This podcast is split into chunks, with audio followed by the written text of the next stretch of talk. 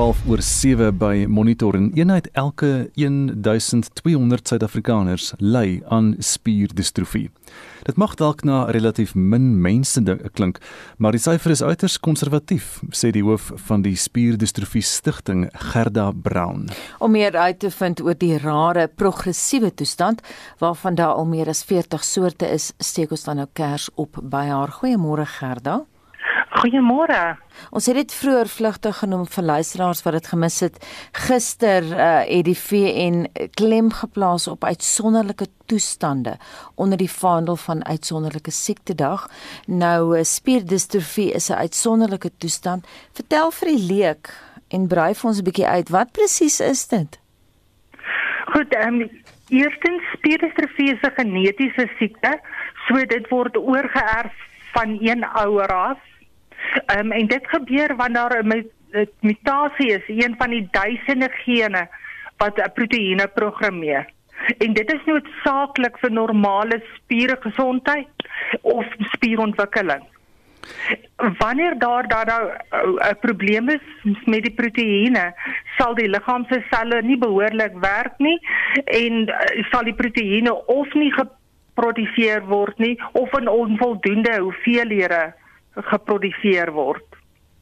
Is dit terminaal? Um, soos julle ekskuus tog, soos julle reeds genoem het, is daar meer as 40 tipes. En dit is ook belangrik om te sê dat dit 'n progressief so progressiewe siekte is. Um so dit verswakking hou aan gebeur. Is dit terminaal? Party van hulle is wel terminaal ongelukkig. Vertel ons 'n bietjie daarvan. Ons weet ons het 'n voorbeeld van uh, Dino Ferrari. Ja, um, ek dink julle almal weet wie Enzo Ferrari is. Hy's 'n motoringenieur gewees en sy een seun het Duchenne gehad. En hy is op die ouderdom van 24 jaar oorlede en toe is die Dino Ferrari na hom vernoem. En hoeveel van hierdie leiers is afhanklik van 'n rolstoel? Jo, ehm um, dit hang af hoe die toestand ontwikkel, maar ek sou sê ja, weet meeste van hulle raak op een of ander stadium afhanklik van een of ander hulp. Ehm um, net te sê dan 'n rolstoel, dit kan 'n kruk ook wees. Mhm. Mm hoe lyk Suid-Afrikaanse geboue se toegang vir 'n rolstoel? Is jy tevrede daarmee? Jong, dit hang seker af waar 'n mens gaan. Ehm um, ek dink baie van die geboue probeer maar almal dink as jy net 'n rem daarso sit dan is dit goed genoeg. Dit is glad nie goed genoeg. Ehm um, daar moet 'n reëling wees vir mense wat nog mo die mobiliteit het. Ehm um, dis sodat hulle aan die reëling kan vashou en kan oploop en dan natuurlik is die badkamers 'n groot probleem. Uh dikwels word daar die badkamer net genoem dit is vir gestremde mense. Uh maar dit is absoluut te klein. Of daar is nie die regte reëlings nie of sulke tipe goed. Hoe moet so 'n badkamer lyk dan? Dit moet groot genoeg wees vir 'n rolstoel om te kan ingaan dan vir die persoon om van die weet wat langs die rol wat in die rolstoel langs die badkamer is moet kan oorskyk op die op die toilet op. Mhm. Mm en die deur moet dan nog kan kan toemaak ook en dikwels het hulle iemand nog binne nodig wat hulle kan help. So dit moet redelik groot wees en 'n redelike vloeroppervlak hê. Gaan nou ons het luisteraars vanoggend wat uh, luister na hierdie onderhoud met jou. Hulle self ly aan spierdistrofie.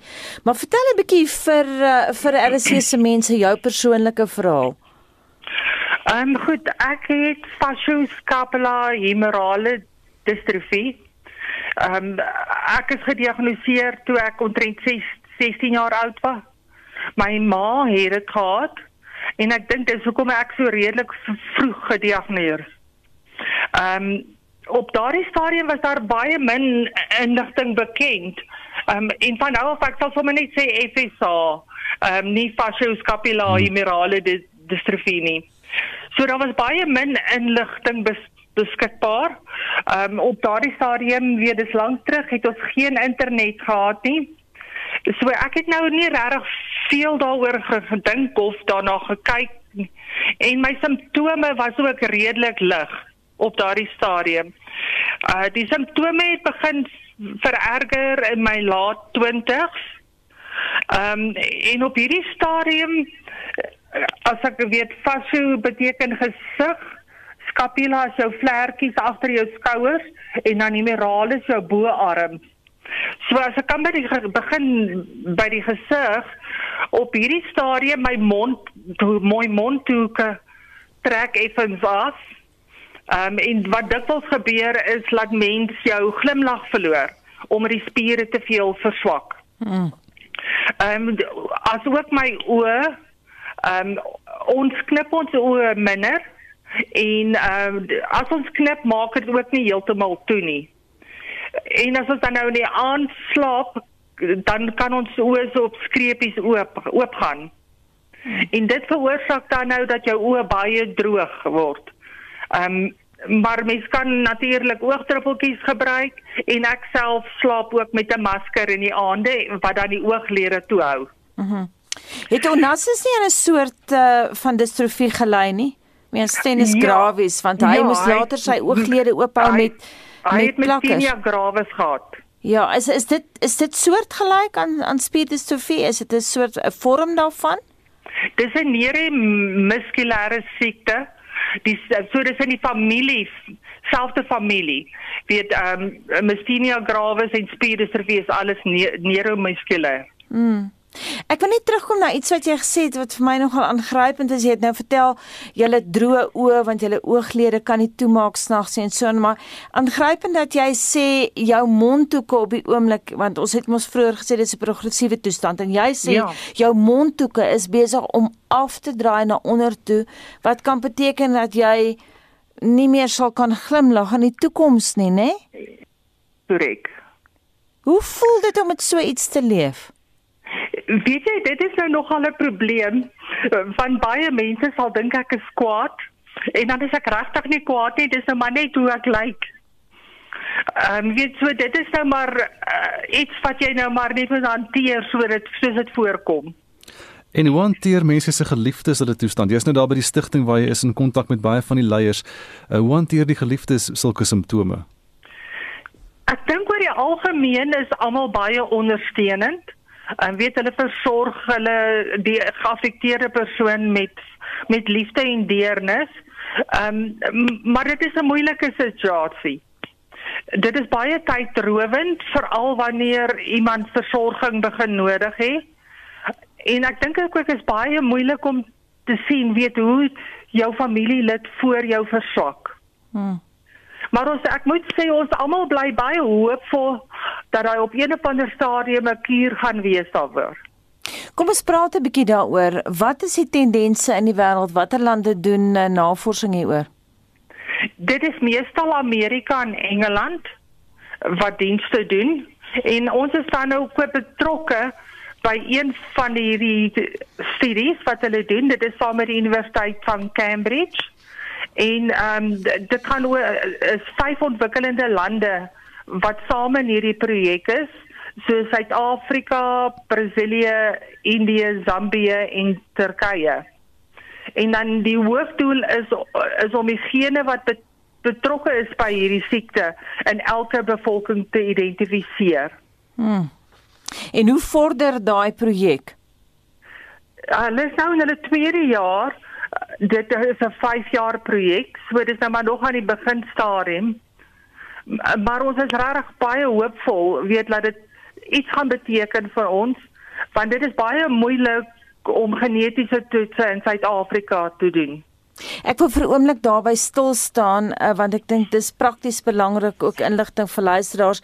Jou twee kinders word tans getoets. Jou 24-jarige seun is getroud en hy wil met nou hy wil met 'n gesin begin. Dit moet baie senitergend wees om nou te wag vir die uitslae van die toetse en jy kan nie daai toetse hier doen nie of hoe? Ja, jy, um, vir FSH kan jy nie genetiese toets in Suid-Afrika doen nie. Ehm um, dit word maar meestal in Engeland of Amerika gedoen. Ehm um, en ek was gelukkig genoeg om verlede jaar op 'n uh, professor af te kom by die Universiteit van Nevada wat hierdie toetse doen. So hy het vir ons die toets gekoerier en ons het die speeksel monsters nou vir hom teruggestuur, so word dit nou in die proses om getoets te word. Is jy het voorheen gepraat van die verskillende die families, né, die die families van siektes. Is spierdistrofie soortgelyk aan motorneuron siekte? Ek dink fisies kan dit moontlik kan dit dieselfde lyk. Uh, maar motorneuron is meer met die senuweestelsel uh, waar spierdistrofie is is die spiere self. Vir luisteraars wat pas by ons aangesluit het en wonder met wie ons praat, dis die hoof van die Spierdistrofie Stichting in Suid-Afrika, Gerda Brown. Sy is in haar 50er jare, maar sy het al sedert 16 is sy gediagnoseer met spierdistrofie. Dit is 'n progressiewe toestand en haar twee kinders word tans getoets. Hulle is nou in hulle 20er jare, 24 en 27, maar vir my ook interessant is hoe jy hierdie toestand sielkundig hanteer want jou jou eensin is nou getroud, hy wil met 'n gesin begin. Maar dit sal seker ook afhang van die toetse as dit nou terugkom en sê maar hy gaan dit ook ontwikkel, sou hy dalk oorweeg om nie kinders te hê nie. Is daar spierdistrofie leiers wat 'n bewuste besluit neem om nie kinders te hê nie? Ja, daar is beslis daai gevalle vir veral mense wat Duchenne in hulle familie het. Dit is 'n redelike ernstige vorm van spierdistrofie. Dit affekteer net seentjies en dit is gewoonlik die geen is van die ma afkomstig. So so sodra daar 'n kind gebore word met Duchenne, dan kan van die ouers verkies om nie weer eh, verdere kinders te hê nie, veral nie seun nie. En is daar sekere bevolkingsgroepe wat meer geneig is tot 'n spesifieke soort van spierdistrofie as ander? Oor die algemeen eh, kies spierdistrofie nie, weet dit kan enige iemand aantas, uh, enige ras, enige geslag, enige ouderdom, maar wat ons spesifiek agtergekom het van FSH, dit lyk asof dit ehm um, Europeërs affekteer. En dis wat jy het. Dis wat ek het, ja. Ek wil terugkom nou 'n kuur vir spierdistrofie toe. Jy sê daar daar is nog nie 'n kuur nie, maar wat is die behandeling dan? Is dit net geskoei op die verligting van die simptome, Gerda? Ja, dit is korrek. Ehm um, dit is regtig net om die simptome te behandel. Weet want wanneer spiere verswak, is daar pyn wat oral voor veroorsaak word. So ehm um, dit is om pyn te kan monitor en beheer. Ehm um, en ook weet dit kan ehm um, laat van die spiere verkort so daar is operasies om daai spiere te verleng. So dis regtig net om mense meer gemaklik te By die stigting waar jy nou betrokke is, het 'n ondersteuning wat jy bied uh, aan byvoorbeeld van ons luisteraars wat dalk nou pas gediagnoseer is met hierdie toestand met met spierdistrofie? Ja, ons dit dit is die hoofdoel van ons van ons stigting. Ons het 'n groep maatskaplike werk wat dan kan met die families of met die geaffekteerde persoon kan werk. Weet um, ons doen dit op individuele vlak of dit kan binne 'n groep gedoen word en dit is nogal belangrik want dan kry jy die kans om met mense wat in dieselfde situasie as jy is te praat. Ehm um, ons kan ook bewusmaking doen by skole en by die werkgewer sodat hulle beter verstaan weet waaroor dit gaan en waartoe die persoon gaan. Jy het net nou gepraat Gerda van pynbestuur en so aan, maar dit bring ander probleme mee as mens nou die hele tyd op pynpille moet wees. Het jy soos wat jy ver oggend met monitor praat, het jy tans pyn? ja, elke dag weet jy, maar dit raak so deel van jou lewe dat jy nie eens meer oplet nie. Daar's elke oggend maar 'n skeetjie of pyntjie. En hoe hanteer jy dit dan? Soos wat dit nou aan verbykom. Weet jy, die wat ek die simptome kan beheer, sal ek nou maar pynpille drink. Ehm um, maar oor die algemeen mens raak gewoond daaraan. Weet as dit deel is van jou lewe en is nou al vir soveel jaar daar, dan funksioneer jy maar net. Gerda, het jy enige raad vir luisteraars wat sê byvoorbeeld pas gediagnoseer is met spierdistrofie? Ja, beslis. Ehm um, ek sou sê kontak die spierdistrofie stigting ehm um, sodat jy die nodige ondersteuning kan kry. Dit is ongelooflik belangrik om 'n goeie ondersteuningssisteem te hê. So maak kontak met die stigting. Ons kan jou in kontak bring met ander mense wat dieselfde tipe het as jy wil praat en net bietjie meer wil kom nou en dit is ook baie belangrik dat die dat die familie presies weet weet wat gebeur en wat moontlik in die toekoms kan gebeur want dit is ook 'n baie belangrike ondersteuningssisteem. Ons het nou 'n boodskap van 'n luisteraar hier wat Estie vir my deurgestuur het. Sy sê sy sukkel om asem te haal deur haar masker omdat longkapasiteit, haar longkapasiteit is beperk en sy is gefrustreerd omdat mediese fondse nie spierdistrofie as een van hulle 27 PMBs, dis prescribed minimum benefits of voorgeskrewe minimum voordeel siektes beskou nie. Enige kommentaar daarop? Weet jy, dit is nou nogal 'n probleem wat baie van ons lede het, is dat want partykeer moet jy ekstra fisioterapie kry, weet in 'n mediese fonds dek net soveel sessies. So dit is nou maar 'n bekleierery wat ons nou aan het en wat ons gaan probeer deurdruk want dit is baie belangrik dat dat mense al die terapie en medikasie of wat ook al beskikbaar is vir jou tipe dat jy toegang daartoe het. Hm. So so gebeur dit nou met hierdie COVID-19 regulasies dat mense sukkel met die masker en so aan. Ja, want ehm um, vir dit baie keer tas spierdistrofie die spiere rondom die diafragma aan.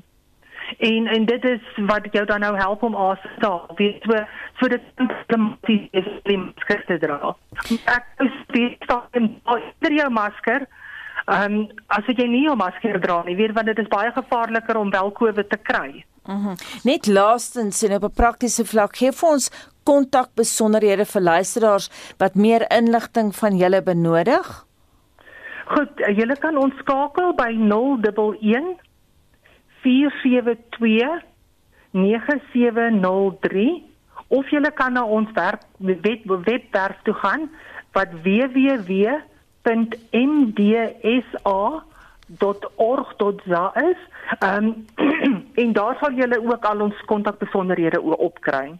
Baie dankie. Ek gaan net daai telefoonnommer herhaal vir luisteraars wat meer inligting van Gerda wil hê. 011 472 9703. Estie? Ons ons luister wat 'n luisteraar sê oor 'n seldsame oogsiekte waarna hy ly. My naam is Nico. Ek het retinitis pigmentosa, 'n siekte wat jou geleidelik blind maak. Dit is oorerflik en ek het dit vandat ek 13 is. Ek is nou 56 en ek leef al jare daarmee saam om nou geleidelik blind te word tot op die punt waar ek nou funksioneel blind is. Ek het net 3% sig oor. So in my geval en mense soos ek in aansluiting tot gister se dag van uitsonderlike siektes lyk ons op die oog af normaal, maar dit is ook hoe die gemeenskap ons hanteer asof ons normaal is. Hulle vorm 'n persepsie en ongeag die feit dat jy wel 'n disability het, word jy behandel asof jy normaal is en hulle dink jy neem probeer hulle vir right vat. So buiten die feit dat mens elke dag moet met jou eie gestremdheid worstel, moet jy ook met die onkunde en eintlik die moedswilligheid van mense lewe wat as jy nie 'n opsigtelike gestremdheid het nie. Behandel hulle jou ongelooflik sleg. Die samelewing moet ingelig word want dit was ongelooflike onreg wat mense aangedoen word wat sit met gestremdheid en veral met gestremdhede wat nie opsigtelik is nie. En dan sê Rona in verband met internasionale rolstoeldag in 13 jaar wou die eienaars van ons vakansie tyddeelpunte my nie sien nie. En al wat ek aan hulle wil bewys is dat ons in hierdie hele tyd nog nooit kon tuis gaan in enige plek van hulle waar die badkamers toeganklik is vir 'n rolstoel nie. Ons word gewoonlik oral behandel asof ons brein gestremd is. En Rona sê asseblief vra eers of jy iemand in 'n rolstoel kan stoot voordat jy dit net doen en Mariek laat weet van haar man wat in 'n rolstoel is om te vlieg is 'n absolute nagmerrie. Die voorste sitplekke in die vliegtyg word deur mense met lang bene in steede van lam bene bespreek. Dis werklik soos disabled parking wat misbruik word en die rederye trek net hulle skouers op solank hulle net die sitplekke verkoop is hulle gelukkig. Ek is ontrent elke keer in trane met my man. Gerard Erasmus laat weet not disabled just different abled soos my blinde kind eendag opgemerk het. En Hester van der Merwe sê en sy sê nie van wie sy hier praat nie ek het dit baie moeilik gevind vir al sy badkamer toe moes gaan moes ek hom optel en weer aftel maar ek het dit uit liefde gedoen. Hy's oorlede en ek het als geskenk aan 'n blinde skool vir kinders. Ons praat vandag oor seldsame siektes en ons wil by jou weet of ly jy dalk aan 'n seldsame siekte of ken jy dalk 'n persoon wat aan 'n seldsame siekte ly en hoe oorkom jy die uitdagings? En mense in rolstoele, hoe moeilik of maklik is dit vir jou om in geboue of openbare plekke oor die weg te kom? En behandel mense wat nie in rolstoele is nie jou dalk anders. Stuur vir ons 'n SMS by 45889 teen R1.50 per SMS of gesels saam op ons Facebookblad by facebook.com vorentoe skynstreep ZARSG of WhatsApp vir ons stemnota na 076 536 6961. 25 minute voor 8 is by Monitor en Vrydagoggend het Pieter van der Berg berig oor al die sportbepalings van die naweek en hy sit nou gereed by die uitslaa van daardie sportbepalings. Pieter Moore. Môre sê Gustaf. So daar was plaaslike en internasionale rugby aksie gewees in nie minder nie as 4 rugby kompetisies. Kom ons val dan nou weg met die plaaslike voorbereidings rugby reeks uh, se uitslaa. Ja, daar die eerste wedstryd was Vrydag aand geweest. Dis die Lions wat teen die Pumas in Johannesburg gespeel het en die Lions moes hard werk vir oorwinning. Hulle klop uh, die Pumas met 32-28 en die Pumas het 3-3 gedruk teenoor die Lions se 2. Saterdag het die Cheetahs 'n wegoorwinning daar in Kaapstad behaal. Hulle die Stormers met 34-33 geklop en die Vrystaat het 4-3 gedruk teenoor die 3 van die Stormers. En gister was daar 'n uh, twee wedstryde groot tellings geweest. Die Sharks het reken af met Griekwas 35-10 en die Bulls behaal 'n uh, oorwinning van 87-10 oor die oostelike provinsie. Dan in Nieu-Seeland is die Autorea reeks voortgesit. Die Crusaders het daar 'n 4-3 gedruk teenoor 2 van die Highlanders en die Crusaders C4 met 26-13. Dan het die, die Blues se wegoorwinning oor die Hurricanes behaal van 31-16 en dan beweeg ons na Australië se Super Rugby reeks. Daar het die Reds in die 77ste minuut hulle tweede 3 gedruk om die Rebels met 23-21 te troof. Die Brumbies, hulle het 'n groot oorwinning oor die Waratahs behaal van 61-10. En gister uh, Gustaf, dis die ses nasies reeks uh, wat uh, nee, Saterdag verskoon twee wedstryde wat gespeel was. Dit is Italië wat pak gekry het op hulle tuisveld. Ierland was baas met 48-10 en dan het Wales die sogenaamde Triple Crown gewen deur met Engeland af te reken in die telling 40-24. Wales het dus dan al drie die ander spanne in Brittanje, dis nou Engeland, Ierland en Skotland getrop hierdie jaar om daardie Triple Crown in te bal. Gepraat van Saterdag jy toe in naweek aktueel genoem dat die plaaslike T20 krieketreeks se uitspelwedstryd asook die eindstryd uh, hierdie naweek dan nou plaasvind. Wat was die uiteinde daarvan? Ja, die uitspelwedstryd Saterdag, dis die Lions wat die Warriors met sewe paltjies geklop het. Nou uh, net vinnig oor daardie finale punte leer die Dolphins het bo geëindig in die eerste plek. Lions was tweede, Warriors derde, gevolg deur die Titans, die Cape Cobras en die Knights. En toe gister is die eindstryd op Kingsmead in Durban gespeel. Die uh, Dolphins en die Lions dan en die Dolphins, hulle het eers gekolf en baie gou drie paltjies verloor en uiteindelik kon hulle net 107 vir 7 in hulle 20 balbeurte opstapel. Kagiso Rabada, het drie paltjies plat getrek vir net 12 lopies. Die Lions het daardie teiken van 108 bereik met 6 paaltjies plat en daarmee het hulle dan met 4 paaltjies geseëvier. Lisa Hendriks, hy het 39 lopies van 40 balle gemoker en die Lions het daarmee dan die T20 kroon uh, wat hulle mee wegstap en uh, ons kan ook natuurlik noem vroeër het hulle die eendag trofee gedeel en uh, dit is die Lions wat dan uh, daardie twee trofee dan in hulle kas het. Van cricket na golf, Brandon Grace en Louis Oosthuizen was goed geplaas na die eerste twee rondes van die naweek se golftoernooie in die FSA. Nou Het hulle tot aan die einde goed gepresteer? Ja, Gustav, hier beide het uitstekend gevaar om die waarheid te sê. Brandon Grace, hy het 'n uh, Arend op die 17de en 'n Volkie op die 18de aangeteken terwyl die vierde ronde van die PGA reeks se Puerto Rico Ope. Hy het daardie toernooi gewen op 1900 syfer. Jonathan Vegas was tweede op 1800. Dan wat die Wêreld Golfkampioenskap se eerste toernooi in Florida uh, betref, is dit Colin Morikawa wat daar met drie oue geseëvier het. Hy was op 1800. Ek sien Billy Horschel, Victor Hovland en Brooks Koepka. Uh, hulle was daar op 1500 gesamentlik tweede. Louis Oosthuizen uitstekende 6de posisie vir hom. Hy het op 1200 klaar gemaak. Dan in die kampioene reeks is die uh, Cologard Classic afhandel. Kevin Sunderland daai jaar geseëvier op 1500. Dit het goed en hy was 11de en Ernie Els was 14de onderskeidelik op 7 en 600. Dan moet ons ook net loer na die LPGA Tour se vroue spelers wat ook in Florida was. Dis daar by die Cambridge toernooi gewees. Nelly Korda het geseëvier op 1600 en Suid-Afrika se Ashley Bohai ook baie goed gevaar. Gesamentlik 8ste, sy was op 800. Dit was ook weer 'n woelige naweek op die sokkerveld. Geef ons so 'n oorsig van van die sokkeruitslae. Ja, kom ons loer net na 'n belangrike uitslag van Saterdag daar in die Engelse Premier League Man City. Hulle het hulle voorsprong op die punteleer vergroot na 12 punte met 'n oorwinning van 2-1 oor West Ham United. Gister is dit Liverpool wat 'n wegoorwinning van 2-0 oor Sheffield United behaal het. Uh, Man United, hulle het gelyk opgespeel teen Chelsea en dan Arsenal ook 'n wegoorwinning oor Leicester City, verrassend van 3-1. Dan plaaslik is daar 'n drie wedstryde in die Nedbank beker gewees gister. Chelsea United klop vir Cape Town City met 2-1 en dan Richards Bay, hulle of Richards Bay dan, hulle het 'n wegoorwinning van 2-1 oor TS Sporting Ball en dan was daar 'n doeluitschietstryd in die laaste wedstryd Gustav Pretoria Kellys. Hulle het vir JDR Stars met 5-4 getroof. Pieter van der Berg met al die naweek se sportuitslae.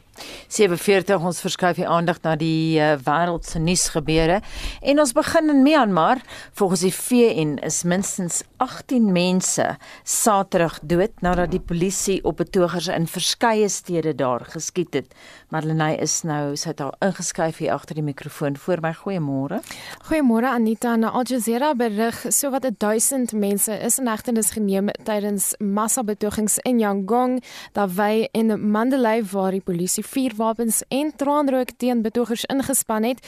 Inwoners eis dat die leiers wat hulle deur 'n demokratiese proses verkies het, weer vrygelaat word en die land regeer.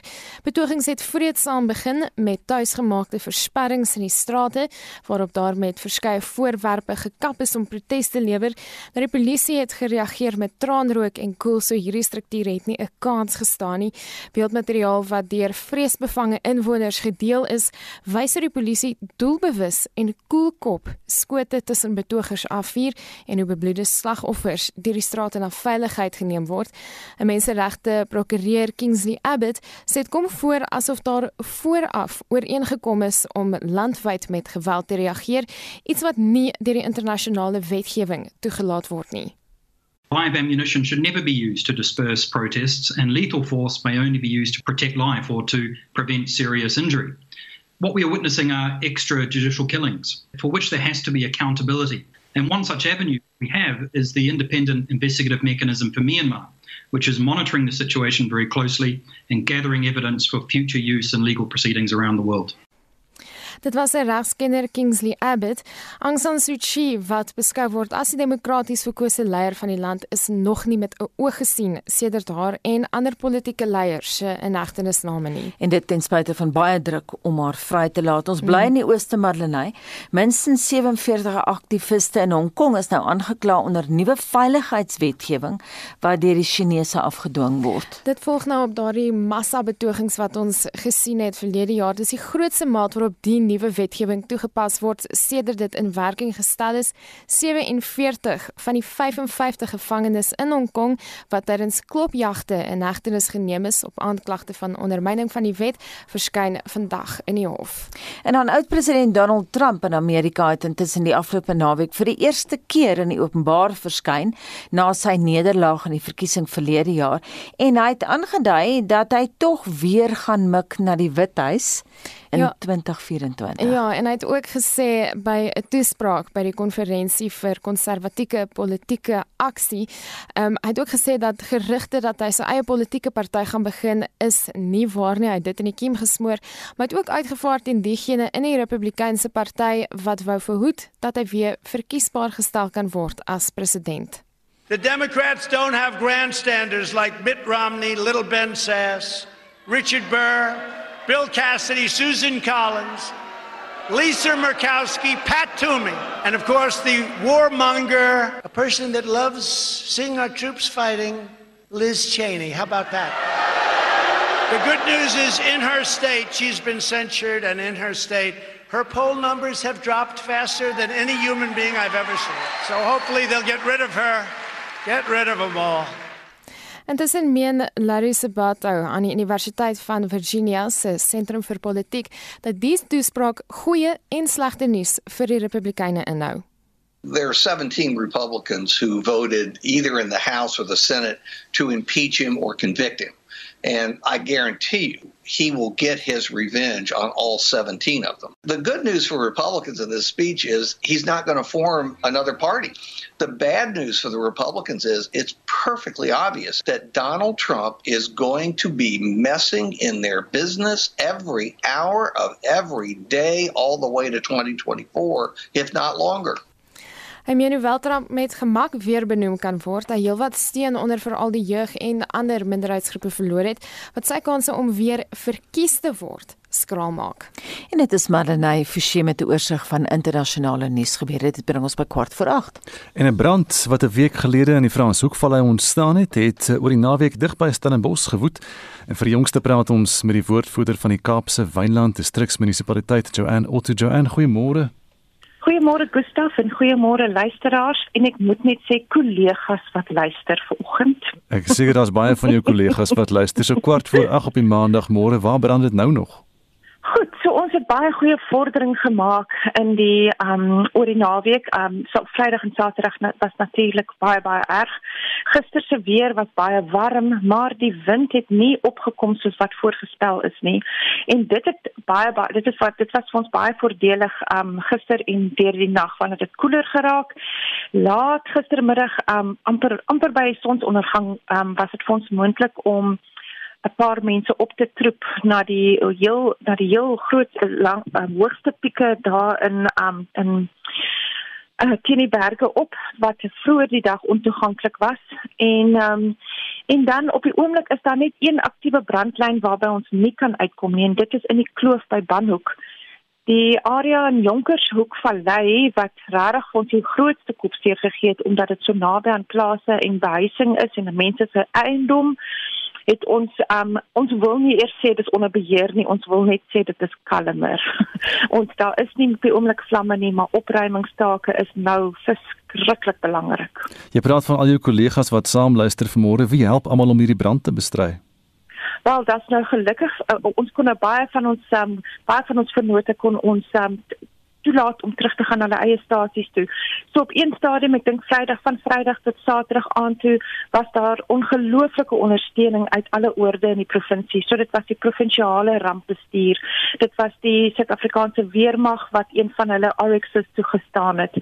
Daar was um personeel en voertuie vanaf die Weskus distriksmunisipaliteite vanaf die Oeverberg distriksmunisipaliteit en natuurlik ons vernote in Cape Nature.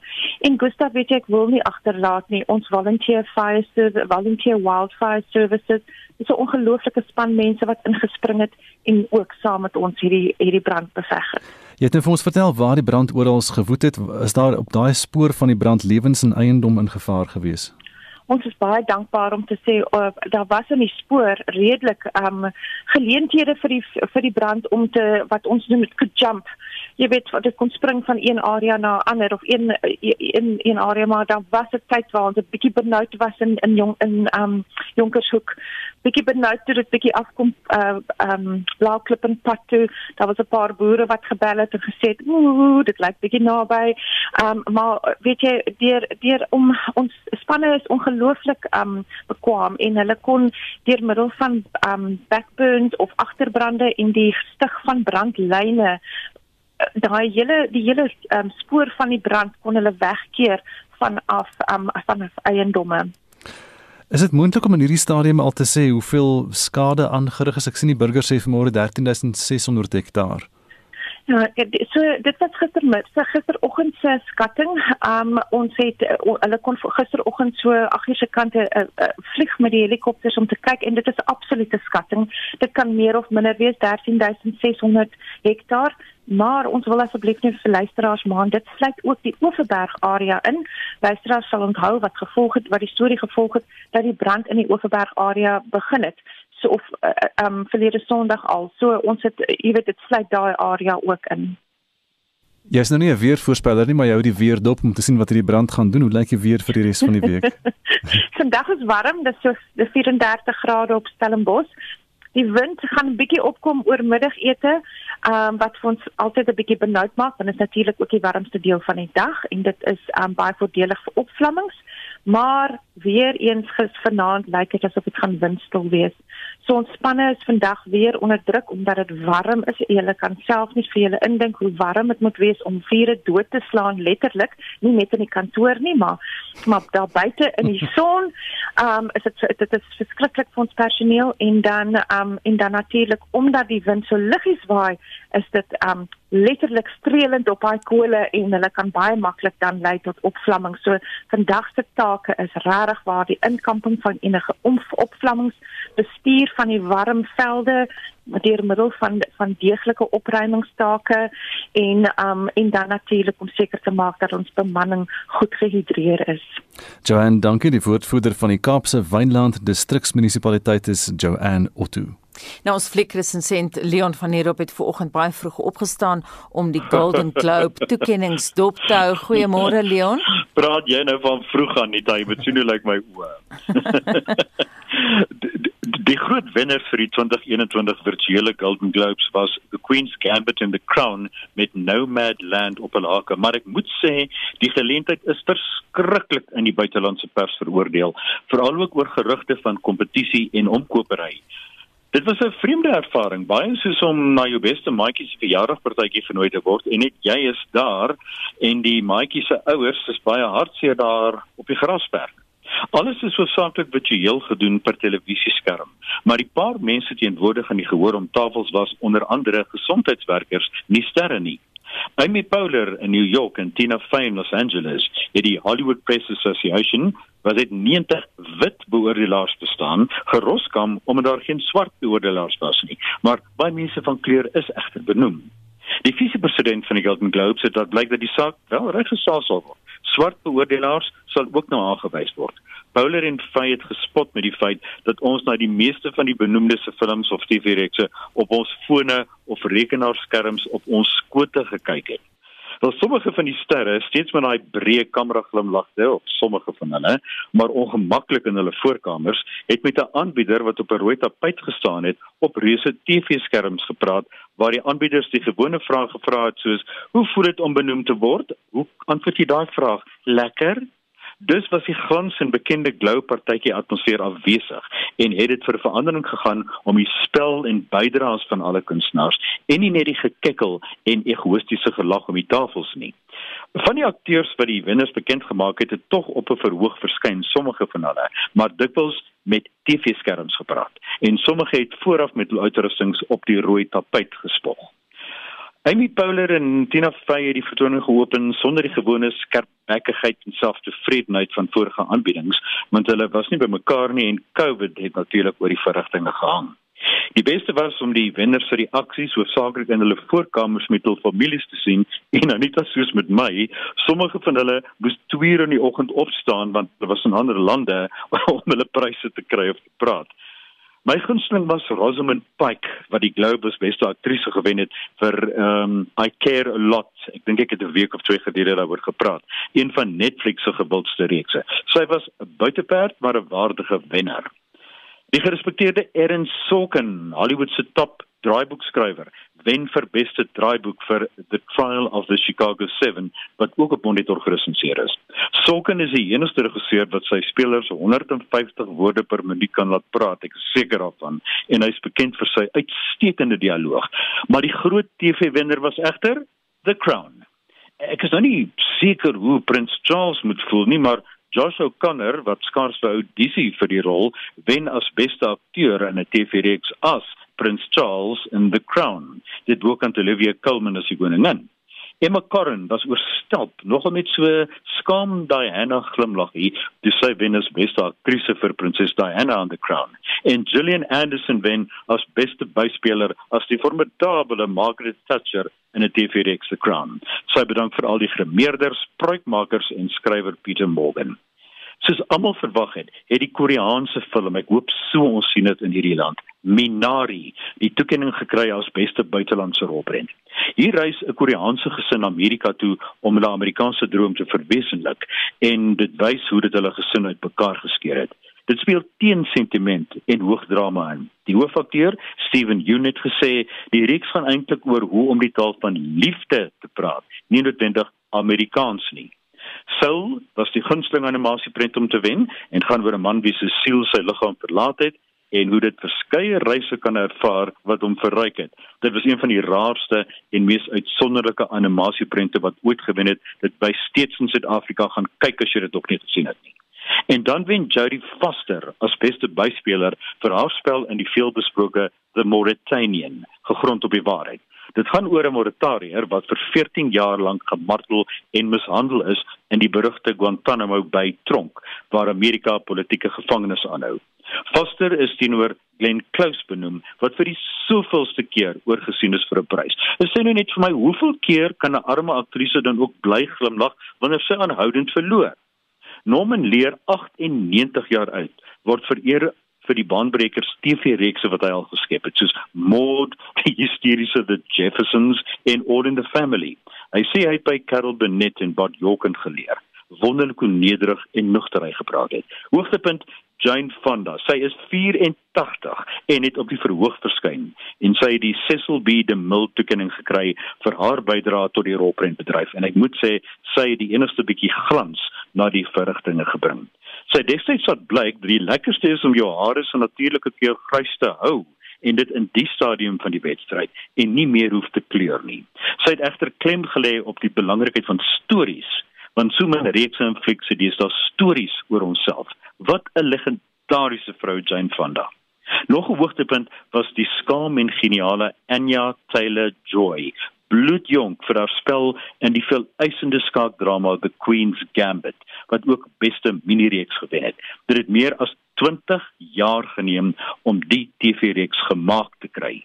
Die skaakmeesters wat raad gegee het is ook bedank en Chadwick Boseman wat verlede jaar oorlede is, wen vir sy spel in die drama Ma Rainey's Black Bottom, 'n emosionele oomblik. Sy vrou het die toekenning met waardigheid aanvaar. Nomadland het nie so goed gevaar soos verwag is nie. Chloe Zhao wen egter wel as beste regisseur vir die storie oor 'n swerwende vrou en Nomadland wen beste rolprent drama. Maar tot die verrassing, teen alle verwagtinge in, wen Frances McDormand nie as beste aktrise nie, maar Andrew Day vir The United States versus Billie Holiday. En laastens, Sacha Baron Cohen, wel almal is iets verbaas oor sy benoemings want hy's twee keer benoem wen as beste komedieakteur in 'n komedie vir Borat subsequent movie film.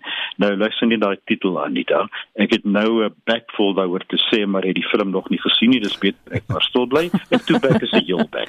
Maar dit wen ook as beste komediefilm. 2021 se Golden Globes, maar daar was baie tegniese probleme en 'n erge ongemaklikheid het die toekenninge gekenmerk. Dit was met akteurs wat gelyk het of hulle nie eintlik daar wou wees nie. Dis dan die Golden Globes 2021. Baie dankie en dit was ons fliekresensent Leon van Heerop. Laaste SMS se esting. DB sê my broer het DMD, 'n soort progressiewe spierdistrofie gehad wat 'n vernietigende siekte is. Sy motto was hy is die argitek van sy eie lewe en was die positiefste mens ooit 36 jaar na sy dood op 28 kontak sy vriende ons steeds. En 'n luisteraar sê my moeder, 'n parapleeg, is al vir jare lank in 'n aftreeoord in Belwel. Na vele versoeke oor die jare wou hulle nie een van hulle bussies inrig vir rolstoele nie. My ma het selfs aangebied om die kostes te betaal. Uitstappies was dus taboe vir haar. En Nadie skryf: My seun in 'n rolstoel word so kwaad in winkels. As hy iets wil koop, vra sommige assistente gedurig vir sy vrou, sal hy hiervan hou. Baie dankie vir jou terugvoer vanoggend. Marlene, wat is alles op die dagboek eh, op Spectrum later vanmiddag? Die kommissie van ondersoek na staatskaping hoor Eskom verwante getuienis aan. Werknemers by die SAIK wat nog nie in die nuwe posisies opgeneem is nie, ontvang na bewering van dagafleggingsbriewe. Beteken hulle het net 1 maand oor om te werk en ons hou op hoogte van die veranderings in oormôre se brandstofpryse. En daarmee groet die span namens ons redakteur vanoggend. Hy is ook ons waarnemende uitvoerende regisseur Wesop Pretorius, ons produksieregisseur Daitran Godfrey. My naam is Anita Visser. Monitor is terug môreoggend om 6uur. Ek is Gustaf Vreiling en Renske Jacobs is reg met die 8uur nuus.